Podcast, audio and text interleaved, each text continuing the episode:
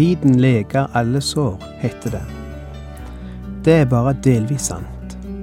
For tiden leger ikke de sår du har påført deg sjøl ved å såre andre. Det eneste som leger de såra, er erkjennelse og oppgjør.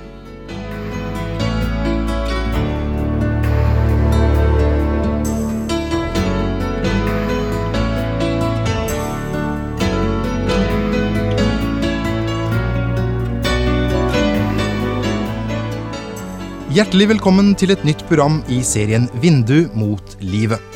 Vindu mot livet er basert på programserien Insight for Living ved Chuck Svindal. Programmet er produsert av Kristen Riksradio og blir ledet av Ola Bjoland.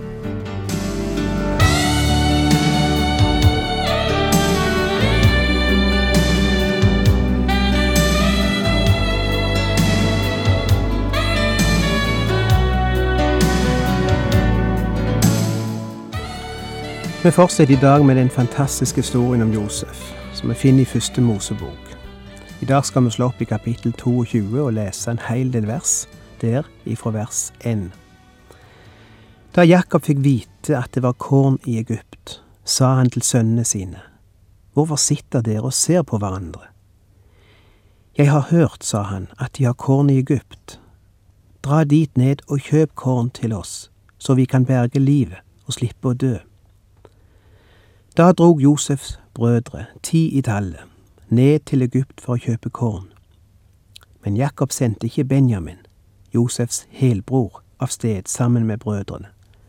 Han var redd det skulle hende ham en ulykke. Så var det også Israels sønner blant dem som kom for å kjøpe korn, fordi det var hungersnød i Kanan. Nå var Josef styrer i Egypt, og det var han som solgte korn til alt folket der. Da hans brødre kom, kastet de seg ned til jorden for ham. Med det samme Josef fikk se brødrene, kjente han dem igjen, men lot som om han var en fremmed for dem. Han talte strengt til dem og sa, Hvor kommer dere fra? De svarte, Vi kommer fra Kanan for å kjøpe korn. Josef kjente igjen brødrene sine, men de kjente ikke ham. Da mintes Josef det han hadde drømt om dem, og han sa, Dere er spioner som kommer for å se hvor landet er lettest å ta. Nei, herre, svarte de, dine tjenere er kommet for å kjøpe korn. Vi er alle sønner av en og samme mann. Vi er ærlige folk og ikke spioner. Jo, sa han, dere er kommet for å se hvor landet er lettest å ta. Da sa de, Dine tjenere var tolv brødre, sønn av en mann i Kanan. Den yngste er hjemme hos far, og en av oss er ikke mer. Men Josef sa til dem, Det er som jeg har sagt, dere er spioner. Men nå skal dere settes på prøve. Så sant farao lever, slipper dere ikke ut herfra uten at deres yngste bror kommer hit. En av dere skal dra av sted for å hente deres bror, mens dere andre blir her som fanger. Så vil det vise seg om det dere sier er sant.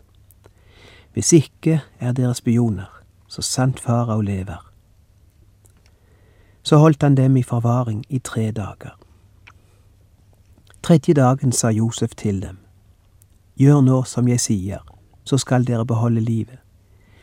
Jeg er en mann som frykter Gud.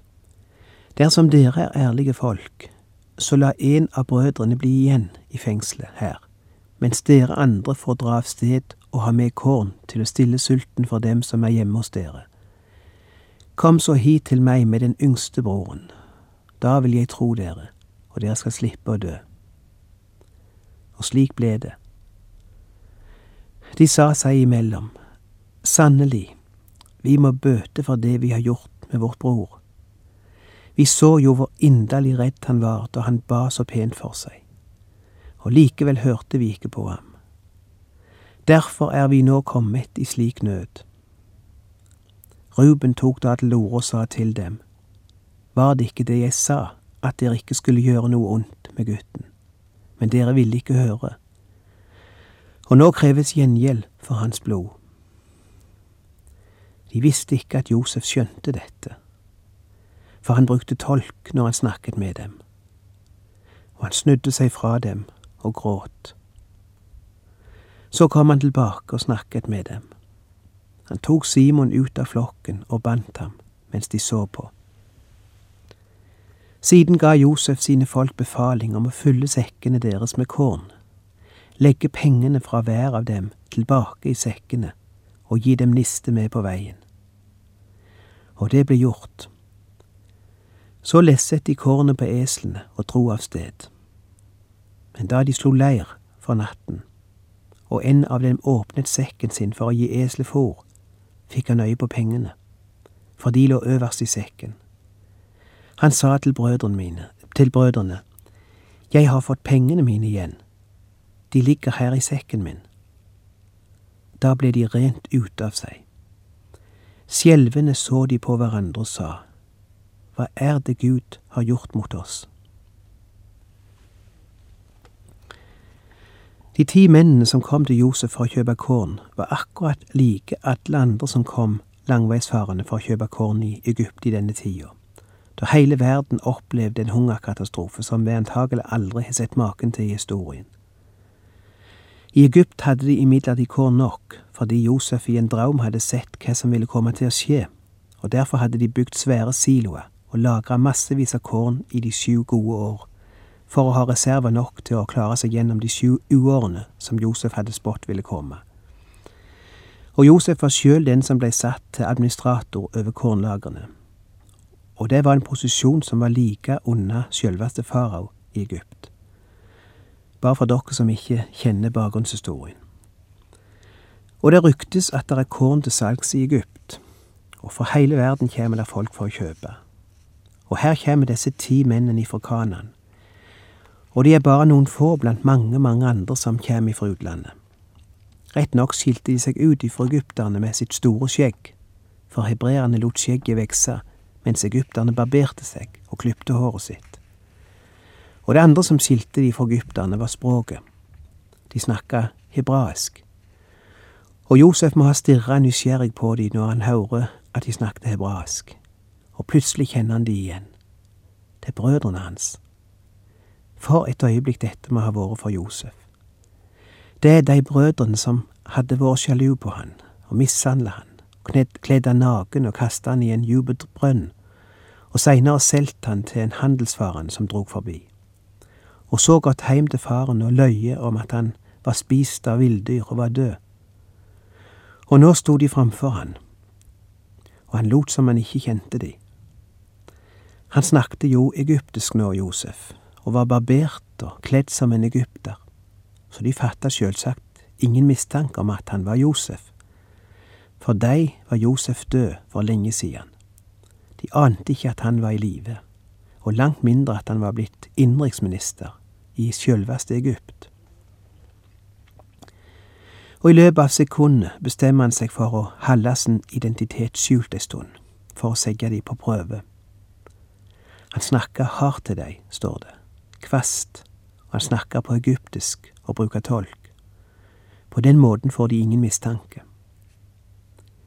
Hvem er det, spør han, med en kvass, mistenksom stemme. Og tolken oversetter det hebraisk. Vi kommer for å kjøpe korn, svarer de.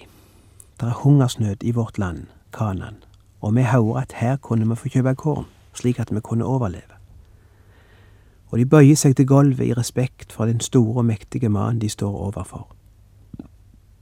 Og plutselig dukka en draum opp i Josef sitt minne. To draumer. Han tørka støv av to 20 års gamle draumer da han var hjemme i Kanan sammen med brødrene sine, og han hadde to draumer. Den ene var at elleve kornband bøyde seg for hans kornband, og den andre var at elleve stjerner bøyde seg framfor hans. Og nå er drømmene plutselig gått i oppfyllelse. Der står de framfor han, og de bøyer seg for han. Men når han teller de, de som ligger på sin ansikt framfor han, er der ikke elleve, bare ti. Den ellevte er igjen hos faren hjemme i Kanan. Det er Benjamin, hans eneste heilbror. De ti andre er hans halvbrødre. og han lengta sånn etter å se Benjamin igjen. Men nå er det viktig å gjøre det på rette måten, og ikke være utålmodig, og benytte anledningen til å sette dem på en skikkelig prøve, for å hjelpe dem til å erkjenne hva de har gjort, slik at de kan få et oppgjør med fortida og bli tilgitt. Jeg vet ikke hvordan Josef tenker, hvorfor han handler som han gjør her, men det er iallfall tydelig at Gud står bak og leder tankene hans og handlingene hans, slik at det kan bli et oppgjør nå med fortida og det vonde, og slik at det kan bli en virkelig forsoning. Det er så mye interessant her i teksten, men jeg skal prøve å ikke fortape meg for mye detaljer.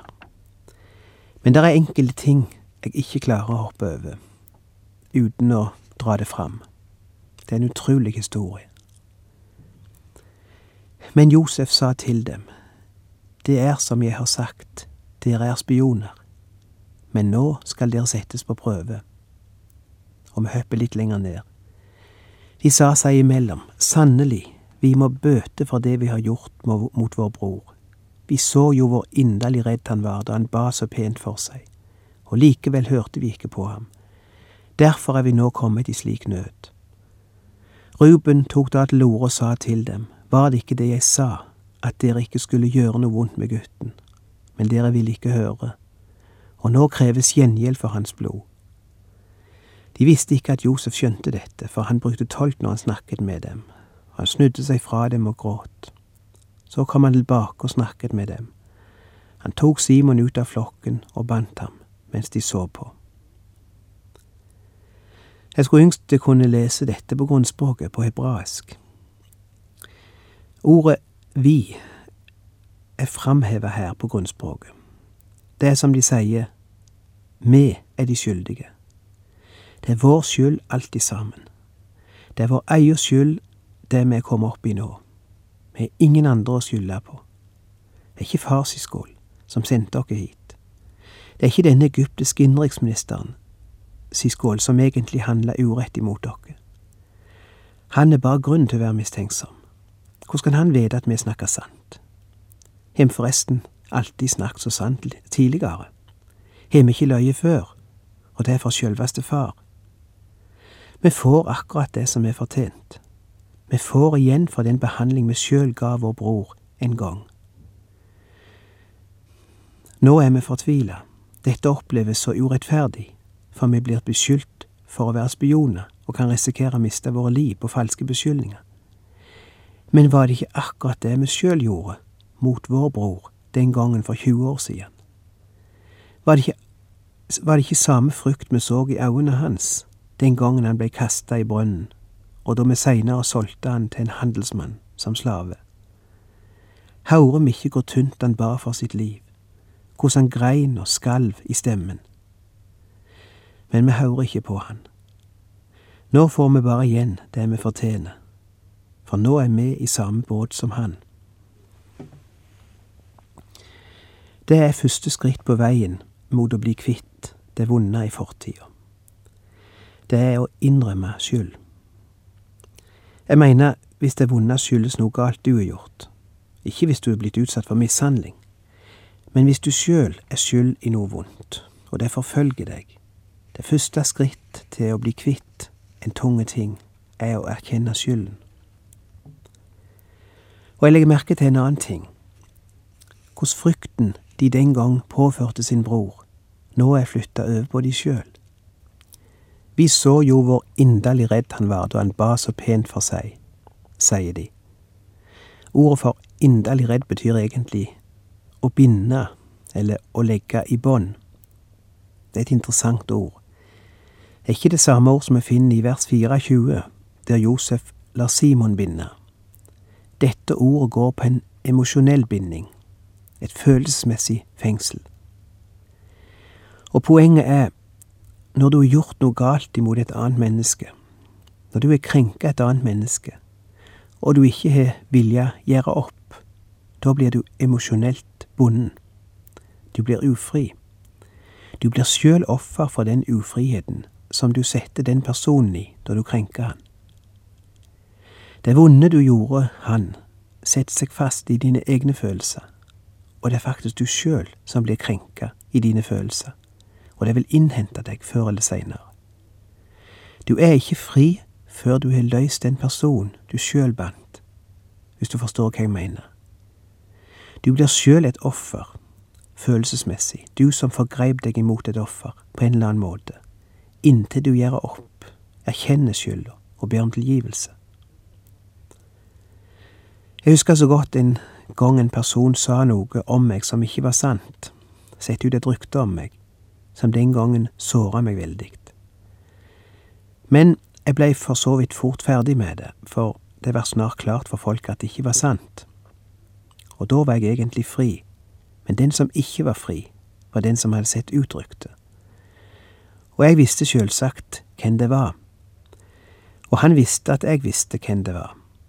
Og han hadde det forferdelig vondt, i mange år faktisk, inntil han en dag tok mot seg og ringte til meg og ba om tilgivelse for det han hadde, krenka meg. Han fikk sjølsagt tilgivelse, og i tillegg sa jeg til han at jeg beundra han veldig for at han hadde mod nok og var stor nok til å erkjenne det han hadde gjort, og be om tilgivelse. Jeg sa, jeg vet sannelig ikke om jeg hadde klart det. Du har virkelig lært meg noe i dag. Og du kan tro han blei fri. Det var helt fantastisk hvordan det løyste seg opp for han, og du kunne sjå det på heile holdningen hans, at han var fri ei tunge bør. Du ser, tida utvisker ikke det vonde, hvis det er det du tror. Tida utvisker ikke uretten. Tiden leger alle sår, heter det. Det er bare delvis sant. For tida leger ikke de sår du er påført deg sjøl ved å såre andre. Det eneste som leger de såra, er erkjennelse og oppgjør. Men det skal jeg si deg lege fort, bare prøv. Det ikke bare leke, det blir en velsignelse. Du blir en mye rikere person etter slikt oppgjør. Til og med det vonde blir noe du vokser på og lærer av når du gjør opp for det. Og ingenting er mer i stand til å vekke erkjennelse av det vonde enn er gjort, som det å komme inn i en lignende situasjon sjøl som det ene voldt andre personer. Nå står de sjøl overfor uretten. Nå blir de sjøl beskyldt for noe de ikke er, og tillagt motiv de ikke har. Og først da vekkes erkjennelsen av de beskyldningene de den gang hadde lagt på sin bror. Ingenting åpna ens øyne for den urett en er gjort mot andre, som det å sjøl bli offer for urett. Og det er det som skjer her. Og den andre tingen som vekker deres erkjennelse skal vi kalle det deres synserkjennelse, er da de litt seinere møter godhet og nåde. For da de er på vei tilbake til Kanan og åpner sekkene sine for å få seg litt mat, så oppdager de at på toppen av sekkene ligger de pengene som de har betalt for kornet de kjøpte i Egypt. De har fått alle pengene sine tilbake. Først ble de grundig stilt til veggs for den urett de har gjort, for smake sine egne svøper, slik at de erkjenner vi er skyldige til å bli kasta i fengsel, slik vi sjøl kasta vår bror i fangenskap. Vi er skyldige til å dø, slik vi sjøl kasta vår bror i døden. Men de blir likevel sett fri, og de får med seg korn tilbake til Kanan, og på toppen av alt, pengene de betalte for kornet, er blitt lagt tilbake i sekkene deres. Og hvordan reagerer de? La oss lese ifra vers 25. Siden ga Josef sine folk befaling om å fylle sekkene deres med korn, legge pengene fra hver av dem tilbake i sekkene og gi dem niste med på veien. Og det ble gjort. Så lesset de kornet på eslene og dro av sted.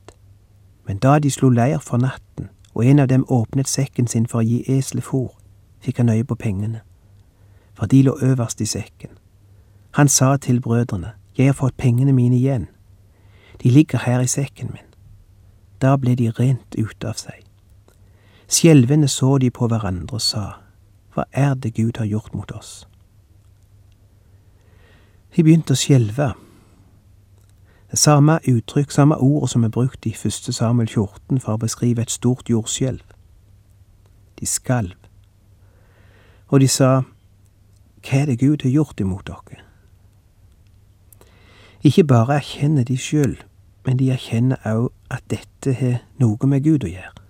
Eller rettere, at Gud har noe med dette å gjøre. Vi skulle vært døde. I plassen blir vi sett fri, og har fått rikelig med korn. Og på toppen fått pengene igjen som vi betalte kornet med. Hva er det Gud vil med oss? Vet du, slik virker Guds nåde.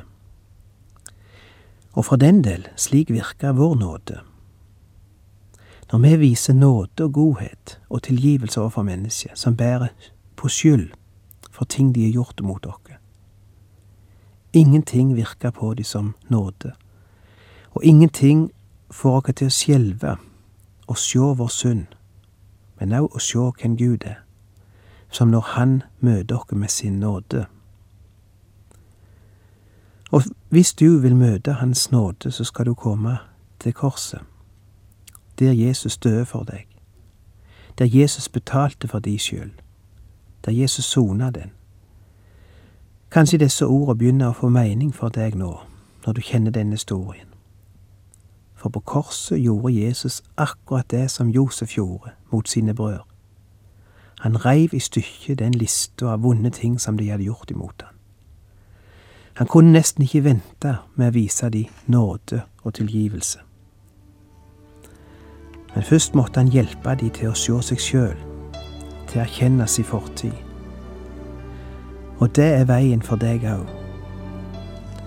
Og ved korset vil du se at Gud betaler for deg, og stryker ut det vonde, og glemmer det.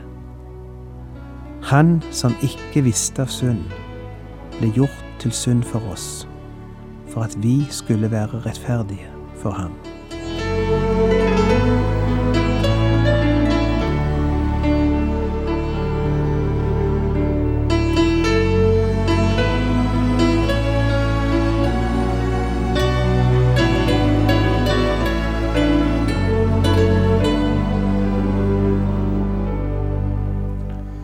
Du har lytta til Ola Bjoland i serien 'Vindu mot livet' fra Kristen Riksradios arkiv. Ola Bjoland var ansatt i Kristen Riksradio til han døde i 2002.